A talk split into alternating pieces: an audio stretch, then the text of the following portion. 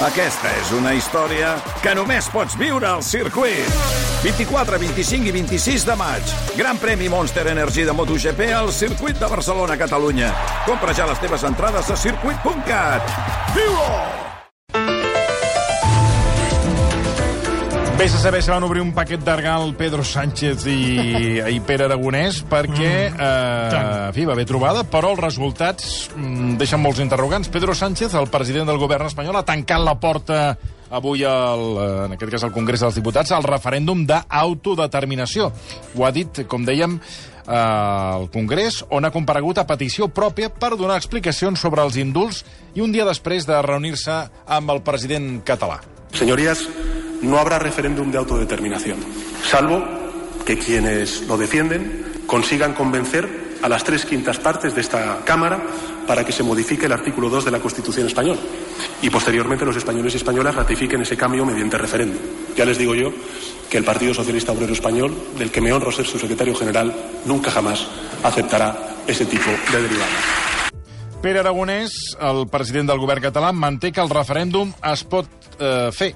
Ha persistit, segons ell, a la sexta. Pues Cataluña va a persistir, evidentemente, en su voluntad de conseguir la independencia mediante un proceso eh, democrático, pacífico y cívico. Aquí es una cuestión de voluntad política. Lo que no se va a resolver seguro es con la rendición de Cataluña. Nosotros no nos vamos a rendir, no vamos a renunciar a nuestros objetivos, a lo que decida la ciudadanía de Cataluña en las urnas. ¿Qué propuesta tiene el gobierno del Estado? ¿Es solo un no? Bé, d'aquesta trobada i del Tribunal de Comptes, que, en fi, n'hi ha moltes per explicar, en parlem els propers minuts amb el Josep Maria Martí Rigau. Josep Maria, molt bona tarda. Hola, molt bona tarda. Mirant el got, què hem de veure? El got de la reunió d'ahir mig ple, mig buit... Eh, qui, qui, perquè, clar, dues hores llargues donen per, donen per... Eh, a banda de plantejar si pots fer el referèndum o no, supos, és evident que van parlar d'altres coses, no? Vam parlar de moltes coses, com passa sempre en aquest tipus de reunions. Després, el que s'explica al sortir, cadascú parla per la seva parròquia Mhm. i cadascú dona, com diuen en castellà, cuenta la feria según le va. Però que van parlar ahir de molts temes, n'estic segur. No perquè hi tingués jo una orella allà, un micro allà, o com ho hagi explicat algun... No, però és que, és, és que passa així sempre. Parla així sempre. I, si vol, podríem fer, mira, com a, com a resum de, de, del veí, aviam Sí. si hi ha més pa que formatge o, Sí. més, o més O més formatge, formatge que pa. Exacte. Uh, el contingut. Uh, hi, ha, hi ha dos titulars. Jo he buscat dos titulars. Un, el que donaria Sánchez, és la recuperació del clima institucional. Bé, és veritat, sí. I la que donaria, o el que, el que pot donar Pere Aragonès i Junqueras, que Junqueras ho va dir això unes hores abans. Ara tenim un govern espanyol més dialogant que abans. Uh -huh. Això és veritat o és mentida, les dues? Les dues coses són veritat.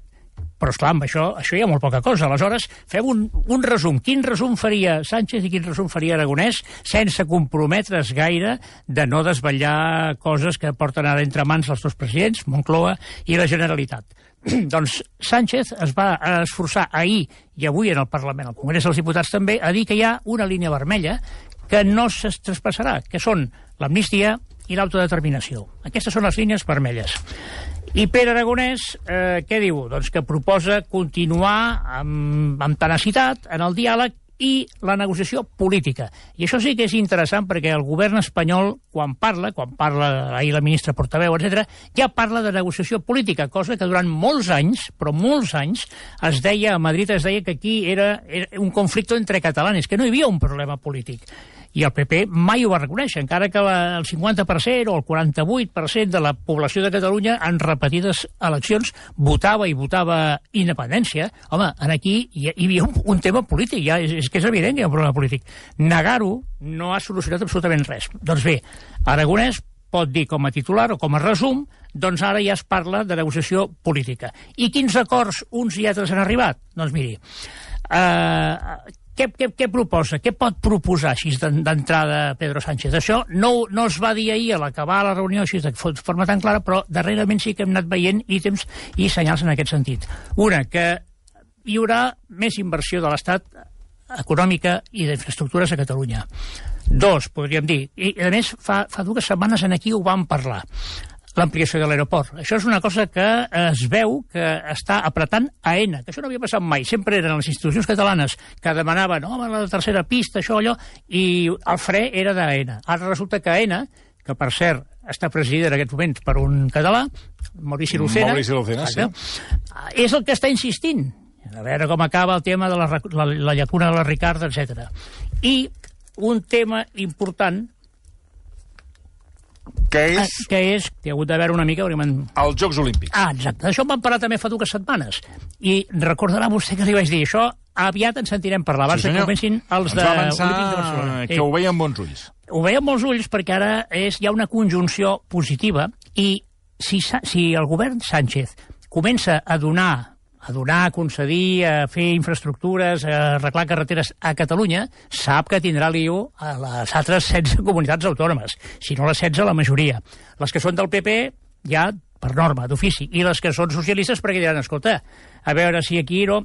En canvi, si hi ha l'objectiu d'un tema olímpic, com que és un tema d'estat, un Jocs Olímpics és un tema d'estat, i a més la candidatura aquesta de Barcelona 2030 fa que part de les, de les competicions es facin també al Pirineu Aragonès, a Jaca, bueno, a Can Nanxú sí, sí. i a Son Port, clar, no tindria excusa llavors Pedro Sánchez per complir i tornar part del històric deute en infraestructures que té Catalunya perquè ningú li podria discutir, o, o li haurien de discutir amb la boca baixa, perquè, clar, el tema d'uns Jocs Olímpics és una qüestió d'estat. I per què dic que ara hi ha una conjunció que va molt bé? Doncs miri, perquè com a factòtum del Comitè Olímpic Espanyol a Lausana, de, perdó, del Comitè Olímpic Internacional a Lausana, ara hi ha una persona que es diu Pere Miró, que mm -hmm. és de mhm. Manresa, que em sembla mm -hmm. que ha estat aquí, ha estat sí, aquí a la ràdio i tal. Habitualment I... a Can Basté. Sí, sí, és, però... Eh, és un client habitual és una persona que en aquests moments controla moltíssim, moltíssim. Aquesta seria, aquest seria un factor. I l'altre seria un factor important també que les altres dues candidatures que hi ha, ara, ara ja no hi ha una subhasta, allò de com hi havia abans, aviam qui convida més, qui ensenya més, no, no. Ara es diu, miri, volem pa, i, i s'arriba a un acord. Els pròxims dos jocs d'estiu hi havia, do, hi havia les candidatures de Los Angeles i de París i van dir, miri, doncs el 24 un i el, el 28 l'altre. I amb els Jocs Olímpics d'hivern pot passar el mateix. I també han expressat voluntat de fer-los les altres dues candidates que són Sapporo, que és, que és, que és Japó, que són el, el Fernández Ochoa va guanyar la medalla d'or, la primera de mhm. l'esport uh -huh. d'hivern espanyol. I què passa amb Sapporo? Que ara, d'aquí res, d'aquí dos dies, d'aquí tres setmanes, comencen els Jocs Olímpics d'estiu a Tòquio i què passa en aquests Jocs Olímpics? Que la immensa majoria de la població japonesa està en contra. Per tant, això juga molt en contra de la candidatura de Sapporo, que a més a més ja havia organitzat uns Jocs d'hivern. I l'altra candidata és Salt Lake City, als Estats Units, és la capital de Utah, i ja va fer uns Jocs Olímpics en el segle XXI. Sí, eh, és una bona candidata, però, és clar, com que és una de les dels esperits, una de les coses que destaca molt sempre a eh, la Carta Olímpica és que s'ha d'expandir i els llocs on no s'han fet mai que s'hi ha d'anar, i tot el, als Pirineus mai hi ha hagut una competició olímpica, ara seria un bon moment. Jo crec que per aquesta via, si es continua explorant, que estic segur que es continuarà explorant, Pedro Sánchez podrà donar, dotar de moltes infraestructures i, i, i sense que tingui una gran revolució en el seu propi partit o en les altres comunitats autònomes i això crec que per Catalunya crec que serà un bé perquè mm. realment la, tot el tema de Pireneic mm, una millora de les infraestructures seria molt interessant. Bueno, aquí el dubte està si el 2030 encara nevarà eh, o això ja serà podríem dir que serà el lloc on s'estarà més fresquet als Pirineus perquè en fi, de neu ja no en tindrem d'aquí al 2030 2030 veurem, veurem com estem. Um, canviem de qüestió, uh, Josep Maria, perquè aquest matí també hem conegut que el Tribunal de Comptes, que va per feina, ha acordat mantenir la fiança de 5,4 milions, com uh, no, no, no ho dubtaven pas, als 34 excàrrecs del govern i els uh, dona 15 dies per dipositar-la. Vostè diu, però, que no és un pagament. Doncs què és això? És una fiança. és una... Sí, te'ls embarguen. Es queden, bueno, clar, es queden cautelarment. O sigui, eh, tu no vas a una finestra i dius, miri, pago això. No. Això ens ho quedem i després ja en parlarem si li tornem o no li tornem. Miri, són... Bueno, Hisenda fa el mateix. Uh, sí, però amb els números tots fets. Aquí, ah, no, ja, ja. Clar, clar, aquí qui s'ha de... Vull dir que Hisenda primer paga, després sí. ja parlarem qui té la raó. I després t'ho tornen o no. Ah, exacte, primer pagues. Sí, però, és clar, a veure... Aquí no presenten ni números. Bueno, mm, presenten, sí, això sí, els sí, el, el, 600 o 700 folis. El, el quadre, sí, 500 folis, o sigui, el, el marc. I llavors l'entrar en detall i, i veure com... A, a veure, ells fan la primera, la primera, la primera numeració i diuen, eh, miri, els 40 que hi havia, números sí. rodons que hi havia ahir, vostè 10.000, mm, vostè un milió i mig, vostè 5.000, tots, això detallat, avui tothom, tota la premsa avui ho, de, ho declara, Però si no està conforme, de moment, de moment li embarguem. Li embarguem les propietats si no pot pagar amb caix. I si no està conforme, llavors sí que pot anar a un tribunal, perquè hem de repetir una vegada més que això, encara que sigui Tribunal de Comptes, no és un tribunal jurídic, sinó polític. I llavors, si vol anar a la justícia, i va al Suprem, a la sala tercera del Suprem, es pot estar dos, tres, quatre anys, evidentment vostè, els diners que ha depositat o les propietats que li han embargat, això no li tornen, continua embargat.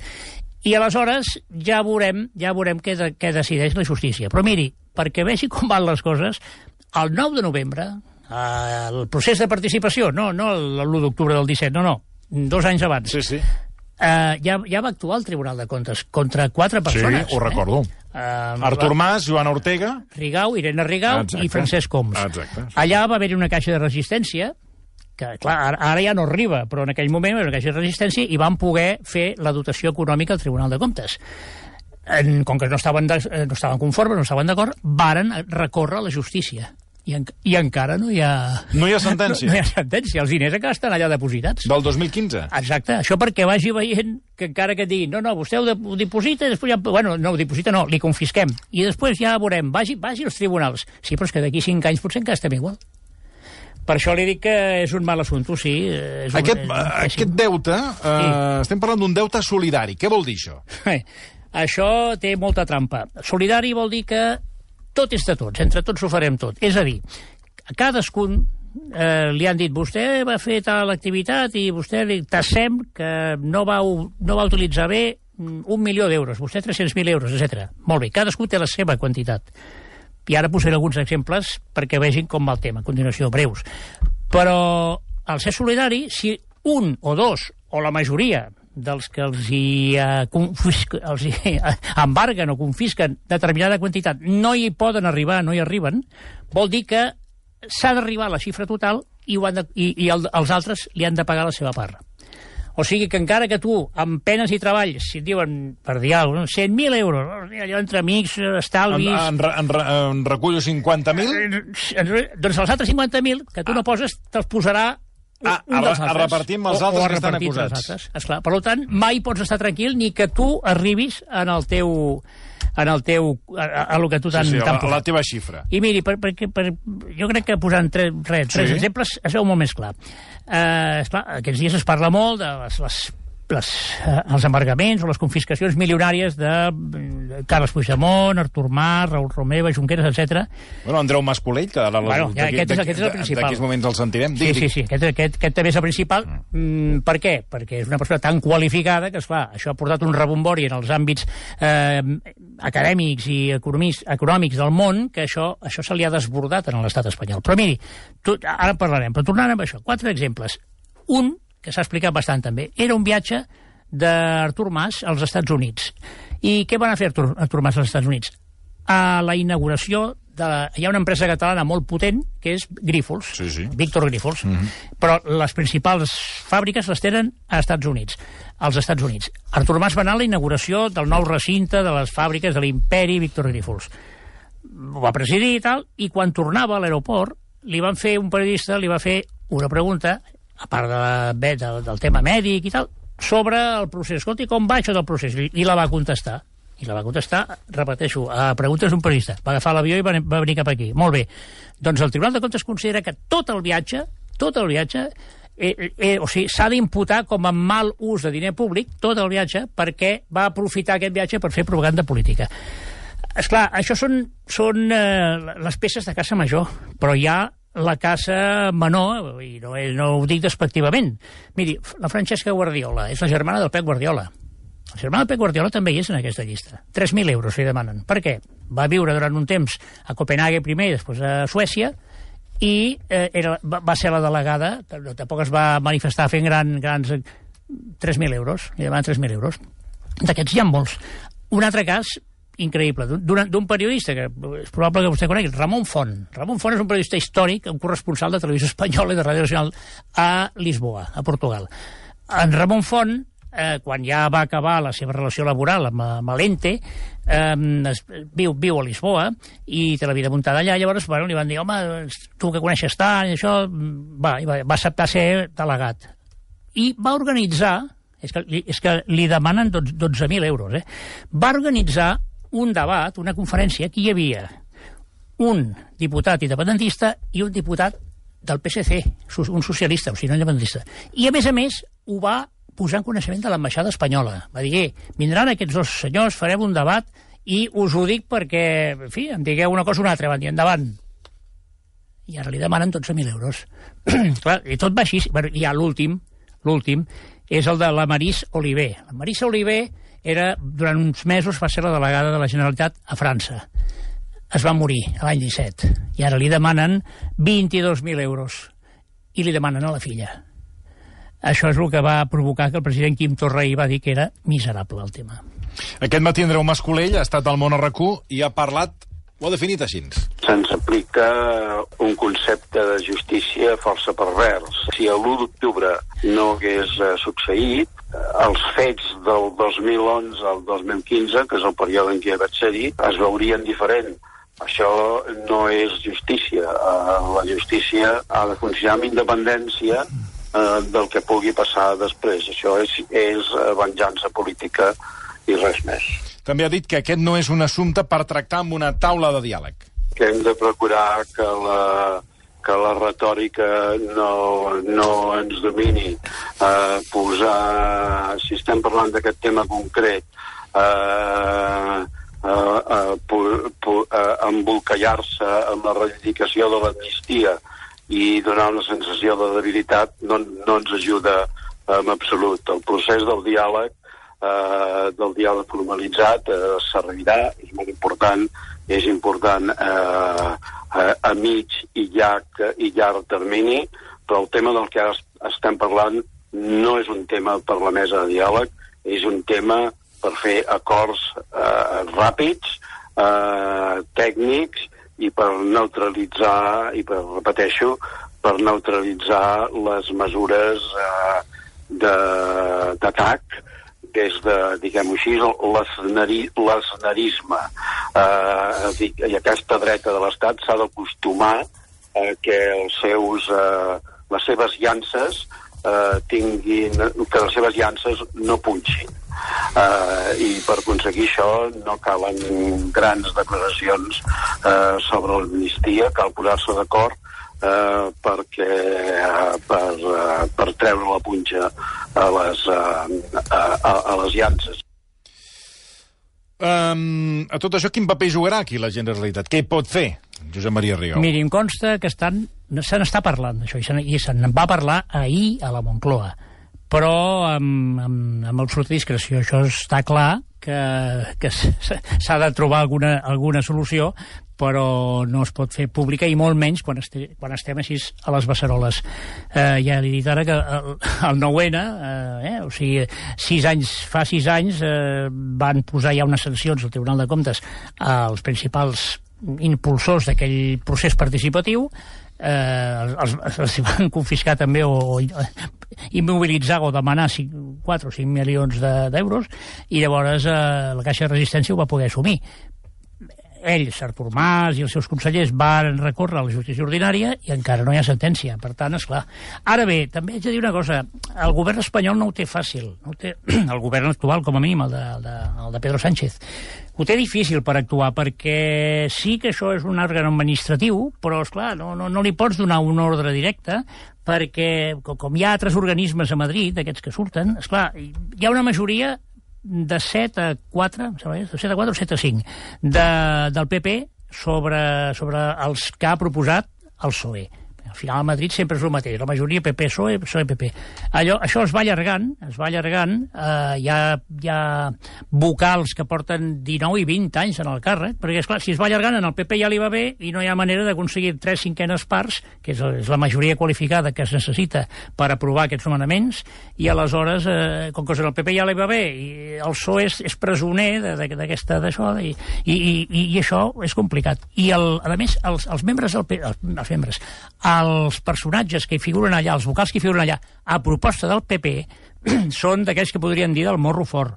La Margarita Mariscal de Gante, exministra amb, amb José María Aznar, el germà de José María Aznar, la filla d'un ministre franquista, el José de la Fuente, María José de la Fuente, un militar, l'Àngel Algarra. O sigui, hi ha, hi ha, allà hi ha un nucli tan pepero, tan, tan a la dreta, que és molt difícil això posar-s'hi. Però estic segur, em consta, que estan parlant i alguna solució hauran de, hauran de buscar. I a més, ara s'han donat compte, els del Tribunal de Comptes no perquè tant se'ls en dona, però sí que a nivell internacional això és un factor més d'erosió de l'estat espanyol, perquè, esclar, Mas Collell no és un qualsevol. Mas Collell No, és una no, persona que, que quan estava aquí a la Generalitat, quan volia publicar un article al, a l'Economist, o sigui, una, al New York, al, al Financial Times, escolti, en 48 hores el tenia publicat. I llavors 30, més de 30 premis Nobel han signat una carta de suport. Bueno, perquè, perquè els, eh, hi ha un grapat de- d'economistes que consideren que el professor Mascolell també hauria de ser guardonat amb un Premi Nobel. També, també. És més, diuen que si s'hagués quedat a la universitat, Sí, senyor. li haguessin donat. Va deixar la universitat per eh, fer conseller d'Economia. Però és així, per tant... Eh, Pues això s'arreglarà, però amb discreció. bueno, s'arreglarà, veurem com... Amb discreció veurem i amb temps, Ah, sí, sobre, però de moment pagant. Eh? Que Sí, sí, no, de com, moment. Com sempre A arreglen les 15 coses. dies estarà això. Allò que et diu el gestor. Mira, jo de tu primer pagaria, després ja, Ja ja, veurem com ho resolem. Josep Maria Martí Rigau, moltíssimes gràcies per acompanyar-nos. Les 6 i un minut. Fins ara. Bona tarda.